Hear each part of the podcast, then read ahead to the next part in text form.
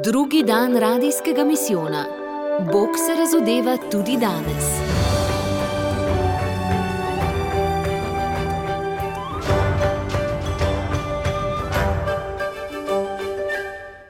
Spoštovani poslušalci, cenjene poslušalke, v naslednjih minutah vas lepo vabim, da prisluhnete razmišljanju teologa magistra Ota Neubauerja z Dunaja. K sodelovanju v letošnjem radijskem misijonu smo ga povabili zaradi njegovih številnih izkušenj gradnje mostov v Dunajski družbi. Ne gre za gradbene podvige. Svojo ekipo Akademije za dialog si namreč prizadeva za nov pogled na ljudi, tudi tiste najbolj oddaljene. Otto Neubauer je po izobrazbi teolog, je poročen in oče šestih otrok. Živi na Dunaju, kjer vodi Akademijo za dialog in evangelizacijo. Bil je eden prvih voditeljev župnijskih misijonov v Avstriji in Nemčiji. O novi evangelizaciji je predaval tudi papežu Benediktu XVI. Sodelavci razvijajo novo kulturo dialoga, s katero ljudi vabijo, da stopijo iz lastnih balonov in balkonov. Z organizacijo pogovorov v parlamentu, na univerzi, kulturnih centrih in v barih doživljajo, da srečanja iz oči v oči delajo čudeže. Gospod Otto Neubauer, lepo pozdravljeni v našem radijskem misijonu.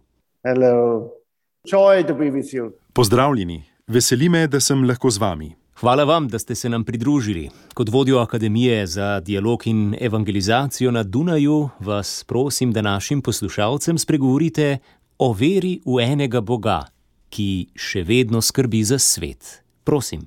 So the question is, how can we live a Christian mission in Corona time? Vprašanje, ki se nam zastavlja, je, kako živeti krščanski misijon v tem korona času.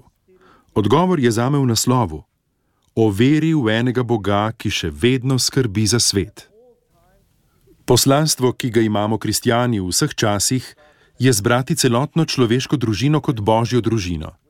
Tako da bi lahko vsi, brez kakršne koli izjeme, našli svojo pot domov, v očetovo hišo. Da bi bili skupaj doma, kjer smo vsi ljubljeni. Gre za preseganje razdalji, tako da lahko vsak pride blizu. Ta naloga, poslanstvo, nikakor ni namenjena sposobni eliti. Kristijani bi morali biti prvi v gradni zavezništev, s krotkostjo, nežnostjo in usmiljenjem. K temu nas z veliko ustrajnostjo vabi papež Frančišek. To velja tudi za obdobje epidemije in to celo še bolj.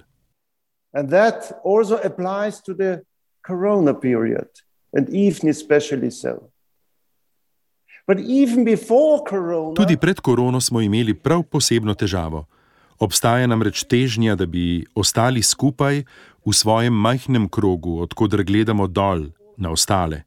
To se pogosto dogaja na družbenih omrežjih, vendar pa se z balkona ne da evangelizirati. Ne od zgoraj in z velike oddaljenosti. Tako kot tesne Jezusove prijatelje bi morali tudi nas klicati prijatelji pobiralcev davkov in grešnikov. Prav tako nam bo ob tem vsako resnično srečanje, vsako verodostojno spremstvo odprlo pogled na lastno bedo, ranljivost in krhkost. during the first lockdown in the last days of March 2020, as Med prvim zaprtjem države v zadnjih dneh lanskega marca, ko je ta nori virus začel polniti naslove po svetu, sem prejel grozno sporočilo svojega prijatelja, ateista. Izgubil je svojega edinega sina. Star je bil 20 let. Ne, ni bil kriv COVID, šlo je za nesrečo. In zadaj je res zapletena zgodba z drogami. Po prvem šoku sem se dovolj opogumil, da sem tega svojega prijatelja poklical. Prosil me je, da bi šel z njim na sprehod. Priznam, da me je zelo stisnilo. Zdelo se mi je, da se je svet ustavil, ko sva drug ob drugem hodila po ulicah srhljivo praznega mesta sredi tega posebnega korona časa. Globoko ganjen sem ga poslušal, ko je skušal ubesediti svojo neverjetno žalost in trpljenje. Ko sva tako hodila skupaj, sem lahko naredil samo eno stvar: Tiho sem prosil za navdih svetega duha, da bi našel prave besede in predvsem pravi način poslušanja. Počutil sem se zelo nebogljeno. Na koncu najnega sprehoda pa sem začutil zelo močno in tolažilno prisotnost, ki je presegla vse, kar je v dosegu človeškega razumevanja in dojemanja. Ko sem pogledal prijatelju v obraz in v njegove oči, sem nenadoma začutil nekakšno notranje spoznanje: Ja, on je res tukaj. Gospod sam je tu. Prijatelju sem skušal povedati, da z gotovostjo verjamem, da je njegov sin na varnem. Nikoli ne bom pozabil njegovega pogleda v tistem trenutku, tistega večkratnega premora in na zadnje počasnega odziva. Vem, vem, da verjameš. Hvala ti. Kot da bi srce želelo povedati več, kot bi kadarkoli zmogle besede. As if the heart would like to say more than words ever could. And at that moment, I felt a very deep In še nekaj. Začutil sem globoko bližino in povezanost. Ta zgodba mojega prijatelja, ki sem jo delil z vami, pandemija naših dni, pa tudi usoda vsakega posameznika nam kažejo, da smo v istem čovnu, da smo zelo tesno povezani s človeško družino. Gospod je videl poglede ranjenih. Kot kristijani moramo slediti tem pogledom. Povabljeni smo, da mislimo na vse, ki so v teh dneh izgubili nekaj, česar ne bodo več nikoli dobili nazaj. Svoje družinske člane, prijatelje, morda službo, svoj ekonomski temelj. In na to pomislimo ne zgolj v kontekstu korone. Vzemimo ranjene seboj na našo pot, da nas bo ta pot vodila v novo, veliko globlje povezano skupnost v tem svetu. Kot da bi nam Gospod sredi te krize rekel: Sprostite se in poglejte naokrog. In če ste pripravljeni, del poti prehodite skupaj z enim od ranjenih, ker sem jaz v njih. Medtem ko razmišljamo o vsem tem, mi prihajajo spet na misel besede iz pogosto citirane knjige Uvod v krščanstvo zaslužnega papeža Benedikta: Jezus. Jezus je z izgubljenimi ustanovil popolno skupnost verujočih. Njegov misijon je vstopiti v dramo človeškega obstoja. In to je resnična svetost Boga, ki je ljubezen.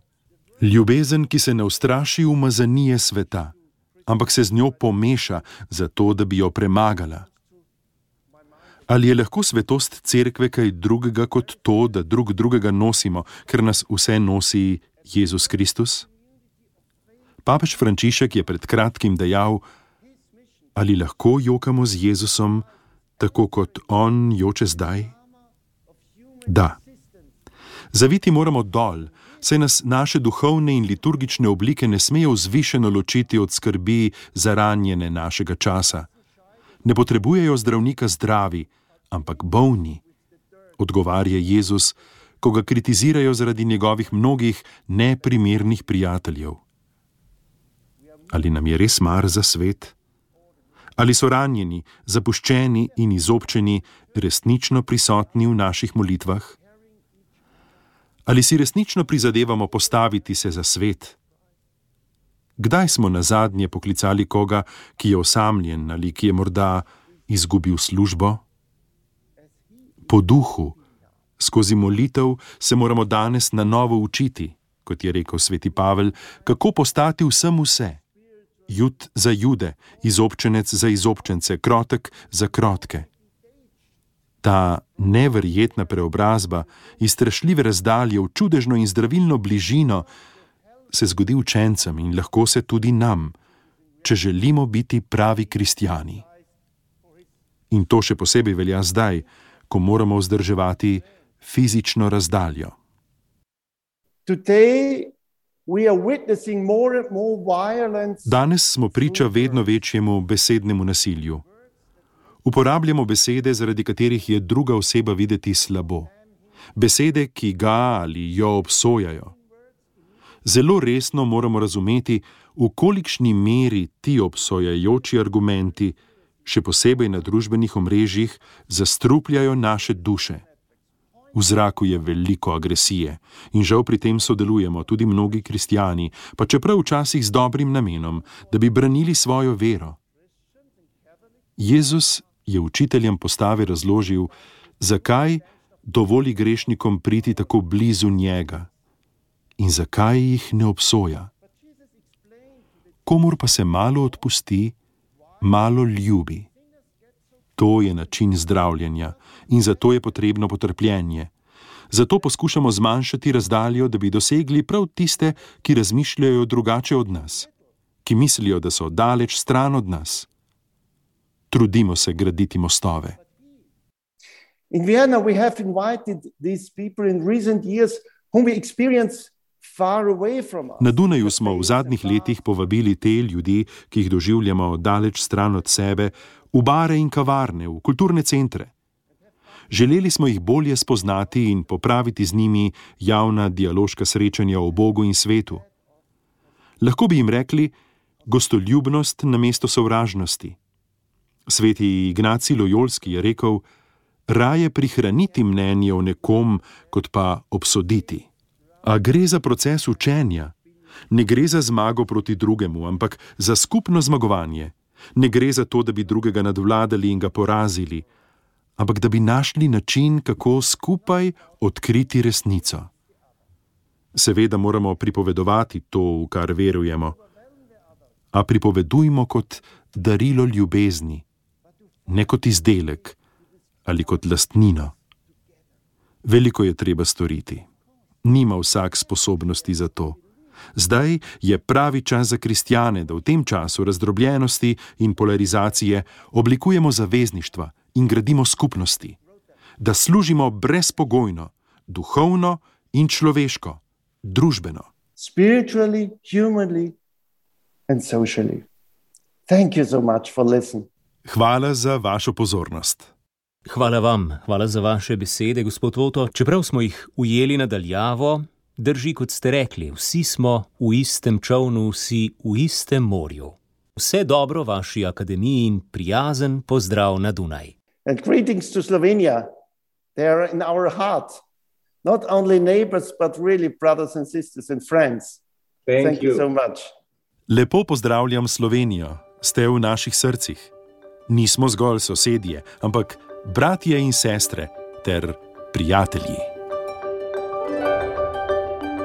Spoštovani poslušalci, slišali ste razmišljanje magistra teologije Ota Neubauerja, ki na Dunaju vodi Akademijo za dialog in pri tem tesno sodeluje tudi z dunajskim kardinalom Kristofom Šenbornom.